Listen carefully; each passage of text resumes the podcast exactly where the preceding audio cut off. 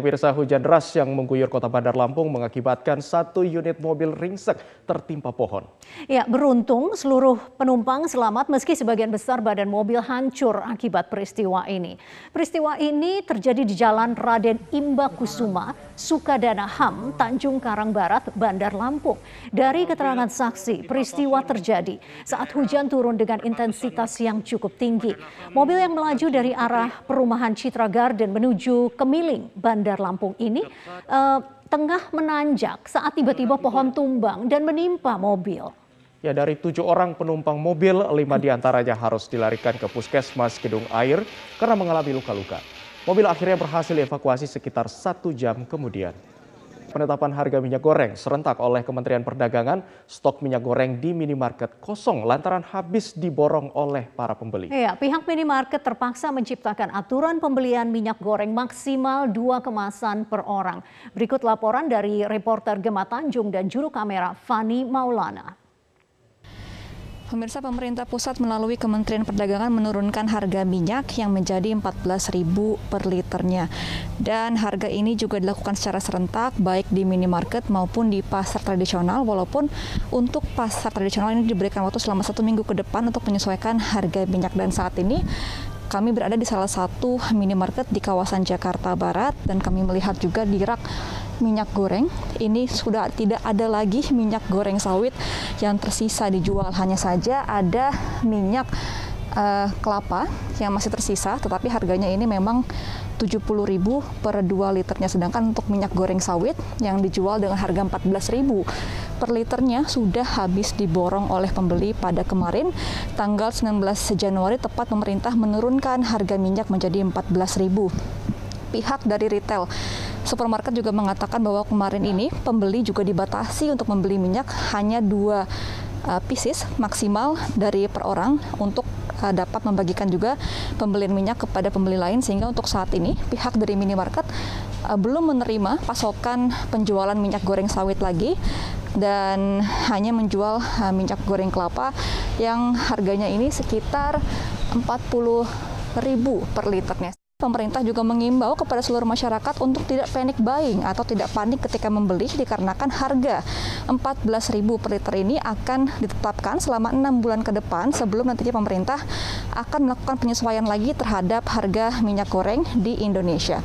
Maraknya aksi vandalisme terutama di kota Bandung ini membuat pemerintahan kota Bandung melakukan sayembara untuk seluruh masyarakat yang dapat uh, memberitahu siapa pelaku aksi tersebut dan akan memberikan upah 10 juta rupiah. Hal ini dikarenakan adanya aksi vandalisme oleh oknum tidak bertanggung jawab uh, di tembok penahan tanah atau TPT di kawasan Babakan Siliwangi, Kota Bandung. Berikut kita simak laporan dari Andromeda Arizal dari Bandung, Jawa Barat.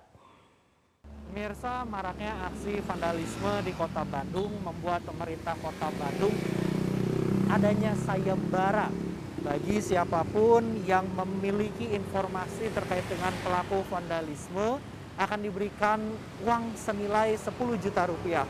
Uang ini akan diberikan pertama oleh Diskominfo kemudian dari Camat Cicendo.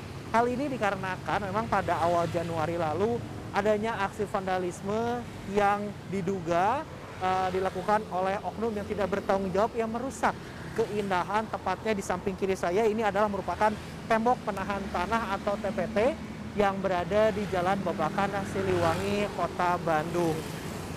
Oknum tersebut ini mencoret uh, eh, TPT ini uh, sekitar pukul uh, eh, 7 malam, kira-kira begitu. Dan hal ini pun diketahui berdasarkan dari rekaman CCTV yang tepat berada di seberang jalan setidaknya ada dua CCTV yang diambil dan oknum ini pun juga saat ini masih dicari oleh uh, pemerintah kota Bandung karena uh, diduga ini merusak keindahan terutama sebelumnya memang sepanjang jalan Babakan Siliwangi kota Bandung ini sudah dipercantik atau diperindah oleh pemerintah kota Bandung. Menariknya pemirsa ada baliho sekitar kurang lebih 3 kali 5 meter yang dibuat oleh Diskominfo Kota Bandung, Humas Kota Bandung, dan juga tentu saja pemerintah Kota Bandung. Di mana dalam baliho setinggi dan selebar ini diminta pemerintah Kota Bandung untuk dicari pelaku vandalisme merusak keindahan Kota Bandung. Bantu untuk disebarkan dan jaga Kota Bandung. Memang pemirsa, pemerintah Kota Bandung berupaya untuk mengedukasi masyarakat uh, agar tidak merusak keindahan Kota Bandung. Ada beberapa titik memang uh, pemerintah Kota Bandung dan juga pemerintah provinsi yang memperbolehkan untuk adanya aksi mural begitu untuk memperindah uh, Kota Bandung seperti di beberapa titik yang sudah difasilitasi oleh Kota Bandung. Namun tidak di tempat yang uh, sudah dipercantik seperti saat ini. Pemerintah Kota Bandung pun membuat sayembara dengan memberikan uh, uang senilai 10 juta rupiah bagi masyarakat Kota Bandung yang mengetahui informasi terkait dengan vandalisme ini. Ya, pemirsa sejumlah masyarakat Kota Bandung pun menanggapi adanya sayembara pemberian uang tunai 10 juta rupiah bagi yang memberikan informasi terkait aksi vandalisme di Kota Bandung. Tidak sedikit masyarakat berharap dapat memberikan efek jerah dan edukasi kepada masyarakat. Saya sih positif karena biar semua orang tuh tahu gitu uh, dan bisa jarak juga gitu. Soalnya udah dicat bagus-bagus, tapi malah di, dirusak.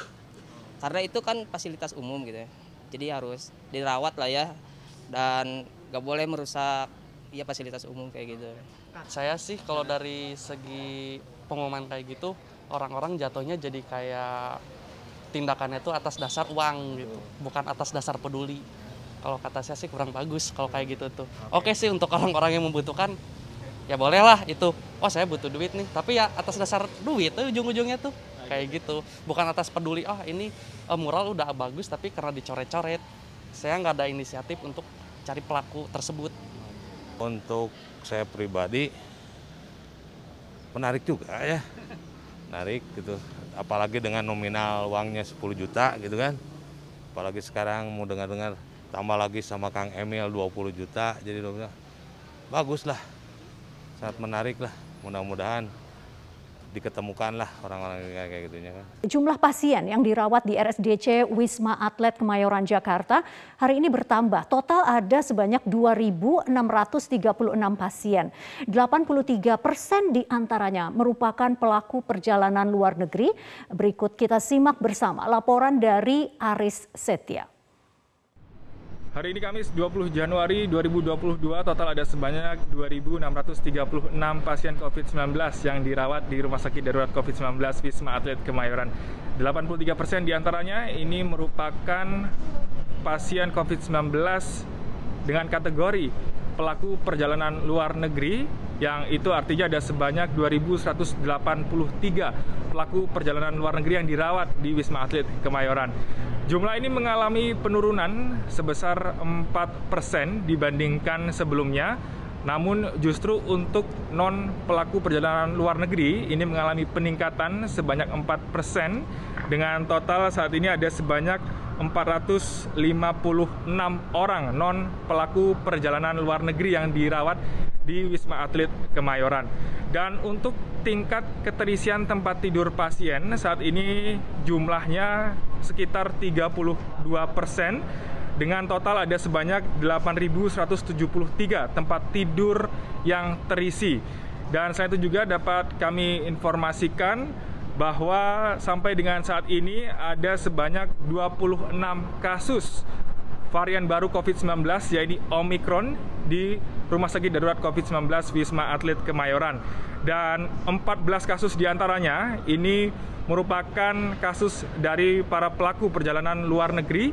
Sementara sisanya yakni 12 kasus ini merupakan uh, berasal dari pasien non non pelaku perjalanan luar negeri. Dan tadi juga seperti yang disampaikan oleh Kolonel Kesehatan Mintoro Sumego selaku koordinator Rumah Sakit Darurat COVID-19 Wisma Atlet Kemayoran menjelaskan bahwa sampai dengan saat ini ada empat tower yang dipakai Wisma Atlet Kemayoran untuk penanganan COVID-19. Namun hanya tower 5 dan 6 saja yang saat ini tengah terisi oleh pasien. Dan untuk selanjutnya, untuk mengantisipasi adanya lonjakan pasien COVID-19, pihak Wisma Atlet Kemayoran akan menggunakan tower 4 dan 7 untuk uh, mengantisipasi adanya pasien COVID-19 baru yang masuk ke RSDC Wisma Atlet Kemayoran. Pemirsa, ratusan lansia di Kabupaten Lamongan, Jawa Timur antusias mengikuti vaksinasi booster yang digelar di desa-desa. Petugas puskesmas sengaja mendatangi desa-desa untuk mempercepat capaian vaksinasi booster bagi lansia dan kaum yang rentan. Dan ini untuk mencegah penyebaran COVID varian Omikron di Lamongan. Vaksinasi COVID-19 dosis ketiga atau booster terus digencarkan jajaran Dinas Kesehatan Kabupaten Lamongan, Jawa Timur. Petugas kesehatan puskesmas jemput bola dengan mendatangi balai desa di setiap desa di Kabupaten Lamongan.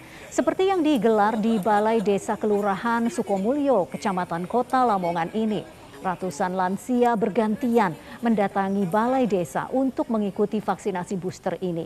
Satu persatu lansia dilakukan screening sebelum disuntik vaksin Moderna. Setelah dinyatakan sehat, para lansia ini langsung disuntik. Total sebanyak 175 lansia dan kaum rentan mengikuti vaksinasi booster kali ini. Dinas Kesehatan Lamongan selain melakukan jemput bola mendatangi desa-desa, juga membuka gerai vaksin di setiap puskesmas serta fasilitas kesehatan lainnya. Langkah ini sebagai bentuk percepatan sasaran vaksinasi booster bagi lansia dan kaum rentan agar terhindar dari paparan COVID-19 varian Omikron. Kebut target vaksinasi, jajaran kepolisian daerah Jawa Timur menggelar gerebek vaksin dan SIM gratis bagi penyintas erupsi Gunung Semeru. Petugas berharap dengan giat vaksin dan SIM gratis ini bisa membantu menjaga kesehatan dan meringankan beban korban Semeru, terutama dalam penerbitan surat izin mengemudi. Jajaran kepolisian daerah Jawa Timur menggelar gerebek vaksin dan pembagian surat izin mengemudi gratis bagi para penyintas erupsi Gunung Semeru. Kegiatan bakti sosial ini dilakukan dengan metode mobile, yakni mendatangi sejumlah lokasi pengungsian di Kabupaten Lumajang. Salah satu gerai vaksin dan SIM gratis ini digelar di posko pengungsian terpusat Desa Penanggal, Kecamatan Candipuro, Lemajang, dan para pengungsi terlihat antri untuk mendapatkan vaksin dan SIM gratis. Vaksin ini rata-rata masih dosis kedua sebab para pengungsi tidak sempat melakukan vaksinasi karena terjadi bencana erupsi eh, berupa awan panas dari Gunung Semeru. Para pengungsi bisa mendapatkan suntikan vaksin dari para vaksinator. Selain itu, bagi warga yang uh, surat izin mengemudinya hilang atau rusak atau sudah mati, secara otomatis akan dilakukan perpanjangan tanpa dipungut biaya.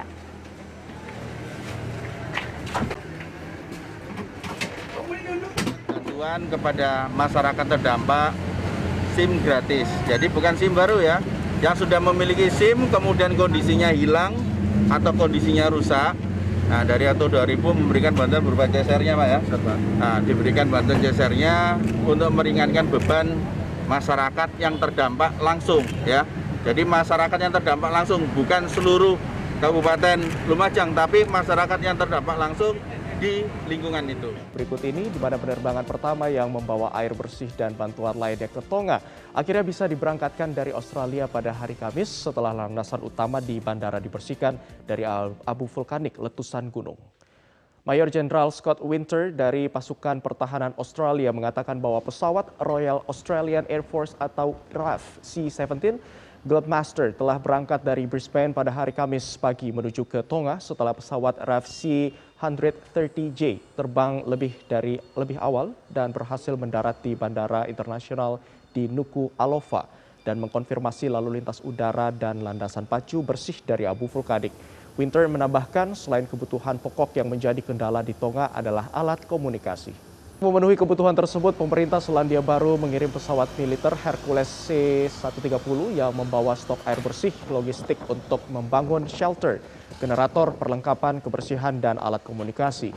Seluruh penerbangan ke Tonga akan tiba pada Kamis sore. Sementara untuk pendistribusian akan dilakukan tanpa kontak karena Tonga sangat ingin memastikan orang asing tidak membawa virus corona ke Tonga. Tonga menjadi wilayah yang minim kasus positif COVID-19 sejak virus tersebut menyebar Tonga hanya mengkonfirmasi satu kasus positif COVID-19. Pejabat kemanusiaan PBB melaporkan 84 ribu orang atau lebih dari 80 persen penduduk Tonga terdampak erupsi.